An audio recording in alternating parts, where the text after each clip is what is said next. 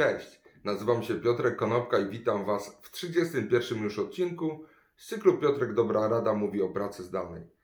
Dzisiaj powiem kilka słów na temat tego, jak obecny stan od strony emocjonalnej czy psychologicznej postrzegają pracownicy, menedżerowie i przedsiębiorcy. Część przedsiębiorców, bardzo duża część, ma postawę taką kendu, to znaczy, jeżeli dostrzegają problem, to zastanawiają się, jak ten problem rozwiązać i od razu wdrażają ten, e, to rozwiązanie w życie. Po drugiej stronie e, gospodarki znajdują się pracownicy.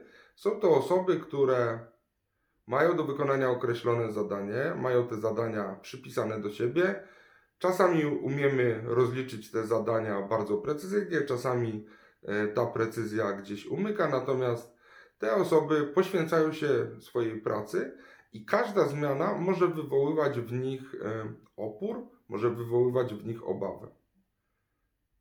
To, co zdarzyło się prawie dwa miesiące temu, czyli e, przymusowe pójście na pracę zdalną, nagle okazuje się, że być może będzie to model, w którym będziemy trwali przez dłuższy czas trakcie moich rozmów z, kilkoma, z kilkoma czy kilkunastoma osobami, które są zatrudnione, które pracują na etatach, dostrzegłem to, że te osoby obawiają się zmiany.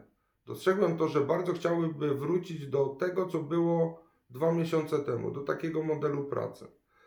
W trakcie rozmów przewija się cały czas pytanie, kiedy wrócimy do normalności, jak będziemy mogli pracować tak jak do tej pory i według mnie jest to moment, kiedy my, jako przedsiębiorcy, jako zarządzający, powinniśmy stanąć na wysokości zadania i pokazać, że mamy odpowiedni mindset, odpowiednie nastawienie do tego, żeby zarządzić tym kryzysem, który obecnie obserwujemy, czyli tą pracą zdalną w trybie awaryjnym.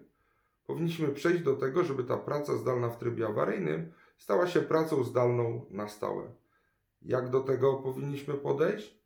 Techniki jednominutowego menedżera, o których wcześniej już wspominałem, techniki pokazujące, że zależy nam na tym, żeby z tymi pracownikami rozmawiać, wspierać ich, zadawać pytania, podtrzymywać relacje, pokazywać, że my również nie jesteśmy doskonałymi cyborgami umiejącymi odnaleźć się w obecnej rzeczywistości. Natomiast to my musimy wyznaczyć kierunek i zastanowić się także wewnątrz siebie samodzielnie, w jaki sposób ta praca zdalna powinna być zaimplementowana do każdej z naszych organizacji. Czy powinniśmy codziennie na przykład dzwonić do każdego z naszych pracowników i pytać się o to, jak mu minął dzień, czy można mu jakoś pomóc w realizacji zadań.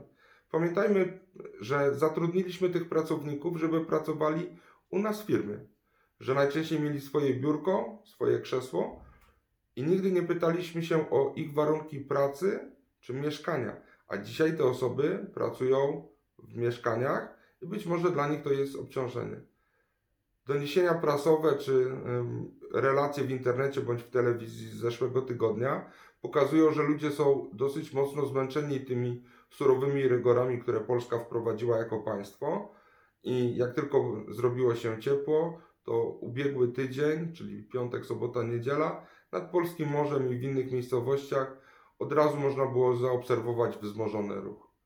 Także zastanówmy się, jak to wszystko, czyli ta niepewność ze strony pracowników, nieznana przyszłość ze strony przedsiębiorców i emocje, które towarzyszą temu stanowi zagrożenia i temu stanowi zmiany, jak to wszystko połączyć tak, żeby praca zdalna była dla nas korzystna. Dziękuję serdecznie, do usłyszenia i zobaczenia jutro. Na razie.